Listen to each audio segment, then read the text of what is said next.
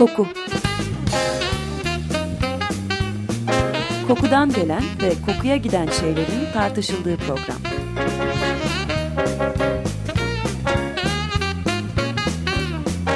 Hazırlayan ve sunan Vedat Ozan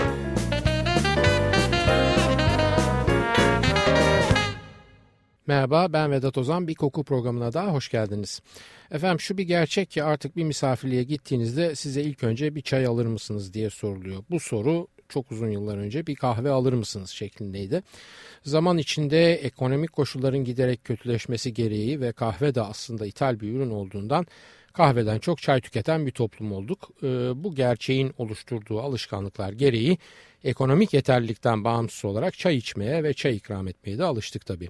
Bundan şikayetçi miyiz? Hayır. Çay da en az kahve kadar derin ve zengin bir kültür. Gerçi bir kahvenin içim ritüeli e, aromasının doygun ve karmaşık yapısı yanında çay çok daha farklı ve biraz daha iki boyutlu bir düzlemde kalıyor. Ve bunu dediğim anda da elbette o hazır çözülebilir kahve çeşitlerini yani o instant kafileri bu zengin kahve tanımının kapsamı dışında bırakıyorum. Lezzeti oluşturan unsurların en önemlisinin yediğimiz veya içtiğimiz maddenin kokusunun oluşturduğunu daha önce defalarca belirtmiştim. Çay da cinsine göre kokusuyla ayrışan farklı çeşitlere sahip. Bunların içinde kokusunun farklılığıyla e, en belirgin olarak e, öne çıkanı yerli olarak tomurcuk, evrensel olarak da Earl Grey diye bildiğimiz bildiğimiz bergamot aromalı çay. Bu programda ben evrensel adına itibar ederek Earl Grey diye bahsedeceğim bu çaydan. E, isterseniz önce isminden başlayalım ancak ismini anlayabilmek için öncelikle İngiliz asalet ünvanlarına kısaca bir bakmamız gerekiyor. Earl pek çok kez yanlış bilindiği gibi İngilizce erken anlamına gelen early kelimesinden bağımsız bir tanım tabi. Kıta Avrupa'sındaki kont ünvanına eşdeğer bir İngiliz asalet ünvanı yani aslında. Hatta bu ünvana sahip bir earl'ün eşine de earl kelimesinin dişi karşılığı olmadığı için kontes deniyor. İngiliz asalet sisteminin veya onların deyişiyle peerage sistemin iki farklı kolu var. Biri e, yaşam boyu olmak kaydıyla verilen ünvanlar ki bunlara örnek olarak mesela Sir Elton John veya Sir Paul McCartney gibi kolayca hatırlayabileceğimiz popüler müzik insanlarını sayabiliriz. Bu tüm ünvanlar Birleşik Krallık'la ilintili olarak ülkeye veya kraliyet ailesine menfaat sağlayan katkıları nedeniyle sadece hayatta oldukları sürece taşınması kaydıyla verilen ünvanlar. Çok yaygın olarak kullandığımız centilmen kelimesi de bu bağlamda aslında İngiliz asalet sisteminde alt sıralarda yer alan bir ünvan ve bu de o çok bağdaştırdığımız nezaket olgusuyla sandığımız kadar da ilgili değil. Peerage sisteminin bir de diğer ve daha esas olan kolu var ki e, bu da sadece ünvan sahibinin hayatıyla sınırlı olmayıp sonraki nesillere de devredilebilen aşağıdan yukarı sırasıyla baron, vicomte, earl, marquis ve dük ünvanları.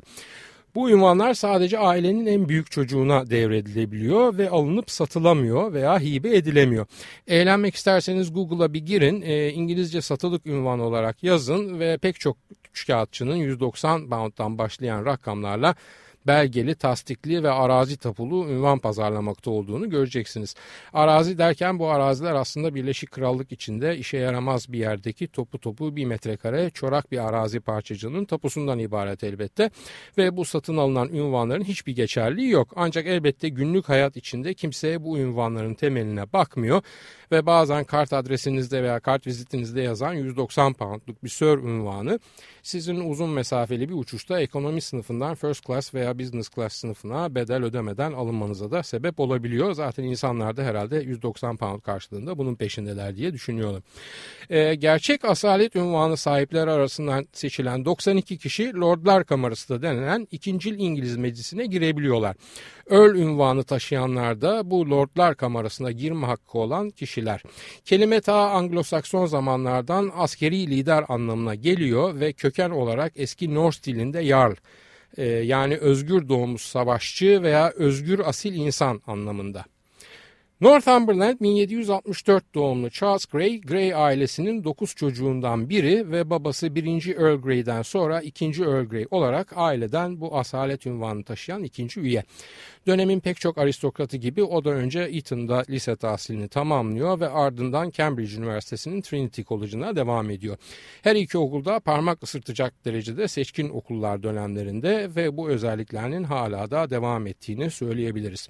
İkinci Earl Grey Trinity College College'da herhangi bir mezuniyet derecesi almamasına rağmen büyük bir kazançla yani olağanüstü bir konuşma yeteneği kazanmış olarak ayrılıyor ve ardından büyük bir Avrupa turuna çıkıp 3 yılını kıta Avrupa'sındaki çeşitli ülkelerde geçiriyor.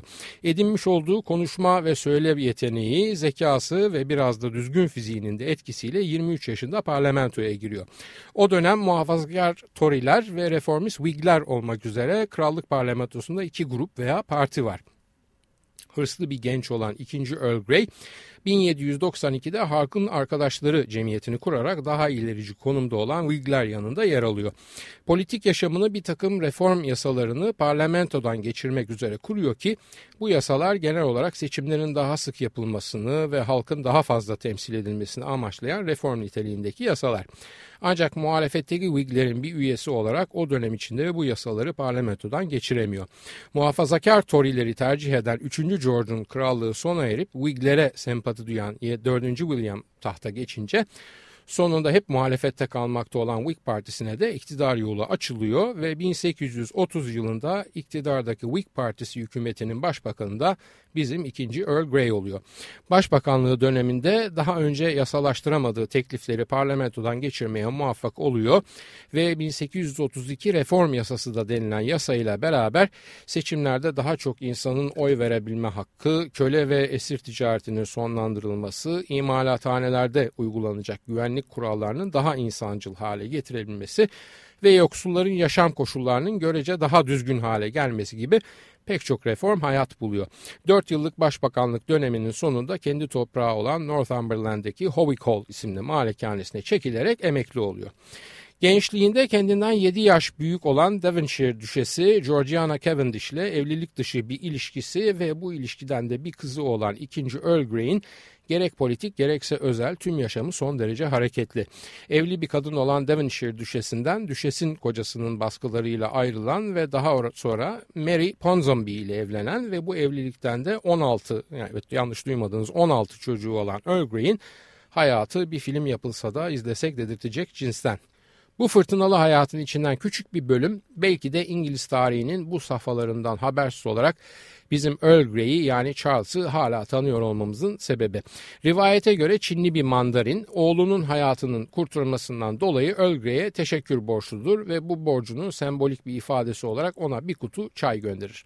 Bir kısım kaynakta bu evlat kurtarılması olayının bir deniz kazasından kurtarılma, bir kısmında ise bir kaplanın saldırısından kurtarılma olduğu rivayet olunur.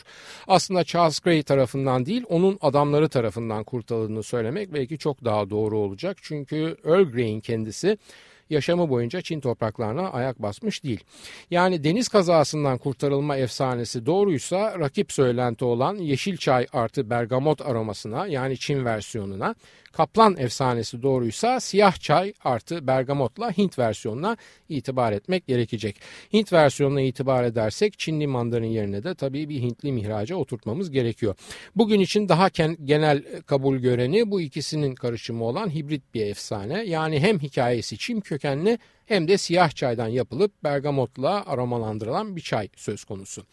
Bu çay o güne kadar alışıldık lezzetlerin ötesinde bir çay ve hem Earl Grey hem de bu çayı paylaştığı dostları bu eşsiz lezzetten çok etkileniyorlar. Mandarin sadece çayı değil beğenildiğinin belirtilmesi üzerine nasıl yapıldığının tarifini de Earl Grey'e gönderiyor. Başbakan olan Earl Grey bu çay tarifini dönemin önde gelen çay tüccarları olan Twinings in the Strand'e veriyor ve aynısından hazırlanmasını rica ediyor. Twinings kendilerine verilen örneğe çok yakın bir formülle çayı üretiyor ve ilk Earl Grey çayı piyasada yerini alıyor. Twinings'in hazırladığı bu yeni çay siyah Çin çayı, Hint Darjeeling çayı, Seylan çayı ve isli kokusuyla o muhteşem Lapsang Souchong çaylarının bir harmanı ve bu harman bergamot yağıyla kokulandırılmış durumda. Daha sonra bu harman içeriği bulunabilirlik ve pahalılık kısıtlarına göre yeniden elden geçirilmiş olsa da hem Seylan hem de siyah Hint çayı uzun süre harmanda yer alıyor. Ancak ilk zamanlarda harman içinde yer aldığı sayılan bu kaliteli nadide çaylara fazla da kanmamak lazım. Zira Earl Grey'e karakterini veren, tabanını oluşturan bu çaylar değil, baskın aromasıyla bergamot yağı. Bugün için piyasadaki alternatiflerin düşük veya en fazla orta kalite çayların bergamotla aromalandırılmasından oluştuğunu söylersek çok da yanılmış olmayız. Yani pek çok üründe olduğu gibi kuvvetli aromalar aslında çıplak ürünün düşük kalitedeki tadını maskelemek için kullanılır. Her ne kadar İngilizlerin çayı sütle içmek gibi bir alışkanlığı varsa da Earl Grey için geçerli olmak üzere bunun fazla tercih edilmediğini ve olduğu gibi sütsüz hatta limonsuzla içildiğini söyleyebiliriz. Herhangi başka bir katkı içermeyen sade Earl Grey çayının orta sertlikte bir çay olduğunu ve bu orta sertlikteki çay tadına da kuvvetli meyve notalarının eşlik ettiği göze veya dile damağa çarpar. Pek çok farklı markanın Earl Grey'i olmasına rağmen bunlar arasındaki fark ancak böyle süt, limon, şeker vesaire tatlandırıcılar katılmadığında ortaya çıkar ve aslında hangisinin damak zevkinize daha uygun olduğunu anlamak için de böyle katışıksız halde deneyerek mukayese etmenizi kuvvetle öneririm. Uzay Yolu dizisinin ikinci jenerasyonunda Kaptan Kirk'ün yerini alan Kaptan Picard'ın da dizide baş tercihi olan Earl Grey'de kullanılan e, ve orijinal formülde yer alan çay çeşitlerinin daha çok Hint kökenli çaylar olmak üzere nasıl olup da Hindistan'dan kalkıp ta Londra'ya ulaştığını kısa bir müzik arasından sonra göreceğiz. Ee, dönemi ol, uygun olmasa da bir İngiliz şarkısı dinleyelim bugün. 8. Henry'nin o meşhur Kral 8. Henry'nin bir bestesi Pastime with Good Company. Pastime with good company I love and shall until I die Gratu lost, but none deny. So God be pleased, thus live will I. For my pastimes, and sing and dance, my heart is set, all goodly sport, for my comfort, who shall me let? Must have some dalliance, of good or ill some pastimes. Company methinks and best, all thoughts and fancies to digest.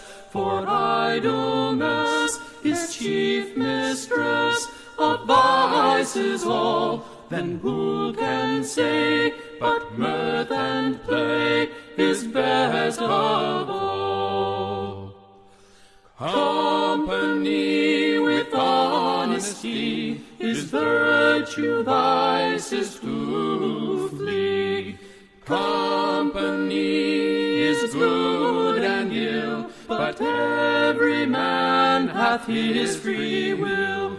The best ensue, the worst eschew, my mind shall be. Virtue to use, vice to refuse, thus shall I use me. Açık Radyo 94.9 Koku programındayız. 8. Henry, Kral 8. Henry'nin bestesi bir ortaçağ İngiliz folk şarkısı dinledik. Pastime with Good Company. Earl Grey'i anlatmaya devam ediyoruz. Ne demiştik ilk bölümü bitirirken? Earl Grey'in harmanında doğu kökenli pek çok çay var.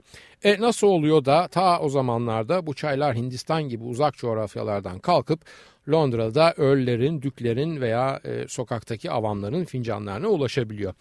British East India Company veya Türkçesiyle Britanya Doğu Hindistan Şirketi belki de corporatism yani şirketçilik diyebileceğimiz ekonomik ve politik düzenin ilkel anlamdaki ilk örneklerinden. Yani bir şirket düşünün ki hem piyasaya hem politik yaşama hem de askeriyeye hakim ve bunu günümüzdeki gibi kapalı kapılar ardına değil alenen ve yasal olarak gerçekleşen bir şey. Bir yandan ülkedeki fabrikalarda işlediği baharat ve çayları yok pahasına alıyor. Bir yandan da o ülkenin sultanı adına vergileri topluyor ve bunlardan küçük bir kısmını sultana vererek e, diğer kısmını kendi bilançosuna katıyor. Diğer yandan da kendi menfaatleri açısından e, hakim olduğu herhangi bir bölgede bir çatışmayı veya savaşı finanse edebiliyor, ordu kuruyor veya savaştırabiliyor. 16. yüzyılda ayrıcalıklı şirketler de diyebileceğimiz Chartered Company diye bir şirket türü var. İngiltere, Hollanda ve Fransa gibi emperyal ülkelerde bu tür şirketler belirlenmiş bir takım ürünler üzerinde tekel konumunda hak sahibi oluyorlar ve ayrıca bu ürünlerin ticaretini sürdürebilmek ve rekabet edebilmek için de ithalat yaptıkları ülkelerde kendilerine ait düzenleri kurabilmek için ayrıcalıklı haklar elde edilmiş durumdalar. Aslında sömürgeciliğin maddi tabanlarını oluşturan şirketler diye tanımlarsak bu şirketleri doğru bir tanım yapmış oluruz herhalde. İngiliz Doğu Hindistan şirketi de bunun tarihteki en büyük ve en önemli örneklerinden. Şirket 1599 yılında Hollanda Krallığı'nın Doğu Hint adalarındaki baharat ticaretindeki tekelini kırmak üzere kral tarafından verilen yetkiyle kuruluyor. 1623'te Molukas'taki Amboyna adasında Amboyna katliamı diye de bilinen kanlı bir yenilgiyle Doğu Hint adalarından çekilmek zorunda kalıyor ve bundan sonra tamamen Anakara Hindistan'ı üzerine yoğunlaşıyor. Surat, Madras, Bombay ve Kalküta'da ağırlıklı olarak mevcut. Odak noktası baharat ticareti olmasına rağmen zaman içinde pamuk, ipek, çay vesaire diğer doğu kaynaklı ürünün ticaretinde portföyüne katıyor. Politik hayatın içine gömüldükçe gömülüyor bu şirket ve Hindistan'daki İngiliz emperyalizminin ana temsilcisi ve yürütücüsü oluyor. Arada şirketin eli Çin'e de uzanıyor ve e, Çin'de İngiliz etkisinin yerleşmesine ve kurumsallaşmasına uğraşıyor. Bu uğraşı esnasında kopan meşhur Afyon savaşlarının müsebbibi de bir anlamda bu şirket diyebiliriz. 18. yüzyılın sonlarına doğru ticari ve politik etkisi zayıflamaya başlıyor ve şirket içinde parlamentoya hesap veren bir kurul oluşturmak zorunda kalıyorlar. Ancak bu hesap verme mecburiyetine rağmen elindeki topraklarda ticari tekel ve tek söz sahibi otorite olmaya devam ediyor. 1873'te imparatorluğa yarardan çok zarar vermeye başladığı kafalara dank edince ve askeri masraflar bilançoyu kırmızıya kaydırınca yasal varlığı kanunla sonlandırılıyor ve onun kontrolündeki bölgelerde otorite bu kez İngiliz valilerinin eline geçiyor. Şirketin varlık süresinde burnunu sokmadığı emperyal alan yok gibi bir dönem çok fazla çay alımı yapması, stokların şişmesi ve bunları eritememesi sebebiyle stoklarını eritmek için Amerika'ya da el atıyor ve bu el atma bildiğiniz Boston Tea Party veya Boston Çay Partisi ismiyle bilinen ilk belirgin isyan hareketiyle Amerikan Bağımsızlık Savaşı'nın kıvılcımlanarak başlamasına da yol açıyor. Bengal bölgesindeki bütün vergileri toplayan ve bu paranın bazen şirket bazen de sadece bölgedeki şirket yöneticilerinin cebine girmesini İngiliz hükümetinin ilk tedbirleri takip ediyor. Bölgeye valiler atanıyor ve şirket ticari hayata devam ederken politik kontrol yavaşça krallık valilerinin eline geçiyor. Yani Hindistan'ın İngiliz sahipleri milliyetleri aynı kalmasına rağmen kurum olarak olarak yavaş yavaş değişmeye başlıyorlar. Aslında şirketin ipini çeken zalim ve yanlış politikaları nedeniyle sebep olduğu 1857 Hint isyanı. Bu isyanın başlangıcı da çok ilginç. Şirketin bir ordusu var ve bu orduda Hintliler de yer alıyor. Yani bir nevi Osmanlı'nın Hamidiye alayları ve Amerika'nın hani o Bob Marley şarkısında konu edilen Buffalo Soldiers'ları gibi düşünebilirsiniz. Bu askerlerin elindeki silahlar değiştirip yenileniyor ve yeni verilen tüfeklerin mermi mekanizmaları yağla çalışıyor. Atlanan ayrıntı bu yağın domuz ve inek yağı içermesi. Yıllar süren maddi manevi baskının ve aşağılamanın bardağa taşırdığı yer dini inançlarına aykırı yağları silahlarında kullanmak zorunda kalmaları oluyor ve askerler, Hintli askerler bu silahları kullanmayı reddediyorlar. Reddedenler tutuklanıyor ama dışarıda kalan Hintli askerler bu kez birikmiş bütün o hınç ve nefretleriyle İngiliz subayları takır takır vurarak indirmeye başlıyorlar. Büyüyen olaylar ancak iki senede yatışıyor ve krallık bölgeye az önce söylediğim gibi valiler ve resmi kuvvetler göndererek şirketin hakimiyetini ikinci plana düşürüyor. E, neyse İngiliz krallığı Krallığı tarihine çok dalmayalım ve programın sebebine dönelim. Ama şunu da bilelim ki yaklaşık 200 e, yıla yakın bir süre içinde e, Britanya İmparatorluğu dediğimiz zaman çoğunlukla bu şirketi anlamamız gerekiyor. Kısaca Earl Grey'in başbakanlığı döneminde İngiltere'ye gelen çayların ithalatçısı işte e, tartışmalı uygulamalarıyla bu dev şirket veya başka bir deyişle bu dev ticaret ve savaş makinesi. Başta dediğim gibi her ne kadar e, neredeyse bütün kaynaklarda benzer siyah çay çeşitleri harman içinde sayılsa da Çin'de siyah çay yerine yeşil çayın çok daha fazla kullanıldığını biliyoruz ve belki de bu nedenle esas Earl Grey çayının yeşil çaya katılan bergamot aromasıyla formüle edildiğini kabullenmek daha doğru olacak. Aslında orijinal formülün bizzat ikinci Earl olan Charles Gray tarafından kendilerine verildiğini iddia eden bir şirket daha var. O da Jacksons of Piccadilly şirketi. E, onlara göre 1830 yılında bizzat Charles Gray şirket ortaklarından George Charlton'a formülü verir ve benzerinin üretilmesini talep eder. Tahmin edebileceğiniz gibi bu şirket Earl Grey çayında siyah değil yeşil çay kullanıyor. Ancak bu şirket artık bağımsız bir şirket olarak mevcut değil ve en büyük rakipleri olan Twinings'in de bağlı olduğu Associated British Foods Holding tarafından satın alınmış durumda. Yani iki rakip şirket aynı holding bünyesinde yer alıyorlar. Bir bardak çayda bile kimin eli kimin cebinde belli değil bir dünya görüyorsunuz farkındaysanız. Demiştim aslında Earl Grey çayı için çayın kendi kalitesi veya harmanı çok da öne çıkamıyor. Çünkü o eşsiz lezzeti veren baskın olan bergamot aroması. Daha önce bir programda kısaca bahsetmiştim. Bergamot aslında turunçgillerden bir meyve. Ee, içinden değil kabuğundan istifade ediliyor ve kabuktan elde edilen bu yağ sadece Earl Grey çayında değil piyasada mevcut parfümlerin neredeyse %70'inde bir üst nota olarak kullanılıyor.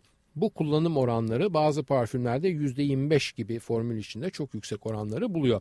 Ancak içindeki ışığa duyarlı ve tabii bu nedenle de cilde zararlı olabilecek e, furokumarin bergapten molekülünün ayrıştırılarak dışarı çıkarılması lazım eğer parfümde kullanılacaksa. Oral yolla alınmasında yani içilmesinde böyle bir sorun yok. Sadece cilt üzerinde güneş ışığına mazur kalmasında çekinceler var eğer bu ayrışım yapılmazsa. İçilmesinde mahsur yok derken deneyler ancak günde 4 litreye varan Earl Grey çayı içimlerinde adele spazmları rapor ediyor ve belirlenen sağlıklı tavan da günde 1 litreden fazla tüketilmemesi. Bu spazma yol açan da gene parfüm içindeki kullanımında sakınca yaratan bergapten molekülü. Verilen riskli oranlar çok yüksek tabanlardan başladığı için dediğim gibi koku dünyasında kullanımı inanılmaz olarak yaygın. Gündelik limon kolonyalarında mesela çok fazla olarak bergamot vardır. Ee, onun dışında birkaç ünlü parfüm ismi vermek gerekirse bunların arasında Calvin Klein B, Cartier e, Delice e, veya So Pretty, Chanel Allure, Chanel No 22, Chanel No 19, Chanel No 5, e, Coco Mademoiselle, e, Clinique Happy, Zino Davidoff, Dior'un Dune'u, Miss Dior Sherry, Dolce Gabbana The One, Estee Lauder Beyond Paradise, e, Frederic Malle Carnal Flower, Emporio Armani Diamonds, e, Georgia Beverly Hills, Guerlain'ın Habit Rouge'u, Jiki, Insolence, L'Instant de Guerlain, Mitsuko, Samsara, Shalimar, Hermes'in Un Jardin Un Mediterrane ve buna benzer on binlerce parfüm hakikaten hakikaten on binlerce parfüm sayabilirim. Bir narenci olmasına rağmen keskin ve asidik bir kokusu yok. Bilakis son derece mülayim, mayhoş, hafif acı ve neredeyse üç boyutlu diyebileceğimiz bir derinliği var bergamot yağı kokusunun. Ee, yani hem taze hem de tatlı bir kokusu var ve bu iki farklı notanın tek bir meyvede birleşmesi açısından gerçekten de benzersiz. Son derece sakinleştirici bir ruh haline yol açması nedeniyle ortam kokulandırmalarında veya bitkisel tıpta da çokça kullanım alanı buluyor kendine. Bizde ve Yunanistan'da bergamotun reçeli de çokça yapılıyor ama gene dediğim gibi sadece kabuğu kullanılıyor ve meyve kısmından bildiğim kadarıyla hiçbir şekilde istifade edilemiyor. Bütün narenciyeler gibi orijini Çin olarak kabul ediliyor ve gerçek adı Citrus aurantium bergamia. Avrupa'ya nasıl geldiği konusunda çok karışık e, ve bir sürü söylenti var. İsmin kaynağına ilişkin en yaygın söylenti Türkçe bey armudu veya beg armudu isminden türemiş olması ve ticaret yolu üzerindeki topraklarımızdan bir şekilde Avrupa'ya sıçraması. Bergamotun armutla ne ilgisi var derseniz valla avokadonun ne kadar ilgisi varsa bergamotun da o kadar ilgisi var diyeceğim size. İnsanlar sanırım o dönemlerde kendilerine yabancı olan meyvelere elma veya armut demekte ısrarcıymışlar. Zira domatese takılan ilk isim de altın elma yani pomodoro. E, domates elmaya benziyor mu sizce? Bence pek benzemiyor. Bu bağlamda baktığımızda Adem'le Havva'nın kovulma sebepleri olan yasak meyvanın sembolik olarak ne kadar elma olduğunu da herhalde biraz daha derin düşünmemiz gerekiyor. Bir ilginç şey daha var bu meyve isimlerinde. Uluslararası literatürde narenciyelere Hesperidik ismi verilir. Oysa Hesperid'in bahçeleri efsanesinde o bahçelerde narenciye yok. Bilakis her taraftan elma fışkırıyor. Hesperides bildiğiniz gibi Yunan mitolojisinde Titan Atlas'ın kızları. Dünyanın en batı ucunda altın elmalarla dolu ve Garden of Hesperides denen bir bahçede yaşıyorlar. Neyse Bergamot'un ismine yönelik bir diğer sav Doktor e, Profesör Doktor Ayten Altıntaş'a ait ve o da bu ismin meyvenin Bergama'dan Avrupa'ya taşınması sonucu oluştuğunu söylüyor. Kısmet olursa Ayten hocamla önümüzdeki haftalarda e, özellikle gül üzerine geniş bir söyleşimiz olacak. Sadece bunlar değil isimle ilgili iddialar. İtalya'nın kuzeyindeki Lombardiya bölgesinde yer alan Bergamo kentini de mesela ismine önemine kaynak olarak gösterenler var. Ticari olarak satışların ilk olarak burada yapıldığını söyleyerek. Ama ben şahsen işim gereği bu bölgeye çok sık gitmiş olmama rağmen bunu doğrulayacak hiçbir belirtiyle karşılaşmadım. Bilakis bütün dünyada bergamotun en çok elde edildiği ve işlendiği bölge Kuzey İtalya değil ülkenin en güney ucunda yer alan Kalabria bölgesidir ve hatta neredeyse Kalabria kelimesi Bergamot'la özdeşleşmiş gibidir. Son söylenti ise Kristof Kolomb tarafından Antil veya Kanarya adalarından Avrupa'ya getirildiği ve Kalabria'ya ekilen ilk bergamot bitkisinin İspanya'da Barcelona yakınlarındaki Berga kentinden yola çıkmış oldu. Yani rivayet muhtelif ve bu rivayetler arasında iki tanesi bizim topraklarımızı kaynak alan rivayetler. Yetiştirildiği başlıca ülkeler İtalya, Kalabria bölgesi, Fil dişi kıyısı ve Gine. E, Profesör Doktor Ayten Altıntaş'ın belirttiğine göre Türkiye'de Akdeniz ve Ege bölgesinde çok az miktarda kalmış. Bergama'da da tekrardan yeni yeni yetiştirilmeye başlamış. Osmanlı tıbbında da çok kullanım alanı bulan bu meyve ağaç kavunu olarak olarak da geçiyor çeşitli kaynaklarda. Mesela tohumundan e, zehirlenmelere karşı istifade edildiği söyleniyor. Efendim asalet ünvanlarından İngiliz asalet ünvanlarından girdik. Charles Gray İngiliz Doğu Hindistan şirketi ve parfüm dünyasında uğrayıp Bergamot'la yolculuğumuzu tamamladık bugünlük. Aslında Earl Grey'in türevleri olan Lady Grey gibi e, benzer aromalı çaylar da var elbette anlatacak ama onlar da artık başka bir programa kısmet olur inşallah. Şimdi ben stüdyodan siz radyonuzun başından kısa bir süreliğine olsa da ayrılıp bergamot aromalı şöyle güzel bir Earl Grey çayı içerek keyiflenmeyi herhalde hak ettik sanıyorum. Peşinden afiyet olsun efendim. Haftaya bir başka kokuda buluşmak üzere soru, öneri ve eleştirileriniz için e-posta adresimiz kokuprogrami.yahoo.com Ben Vedat Ozan, radyonuz kokusuz kalmasın sevgilerimle.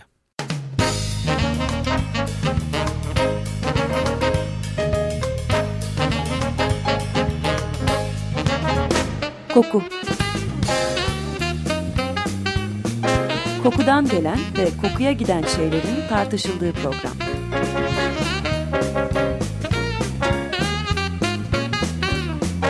Hazırlayan ve sunan Vedat Ozan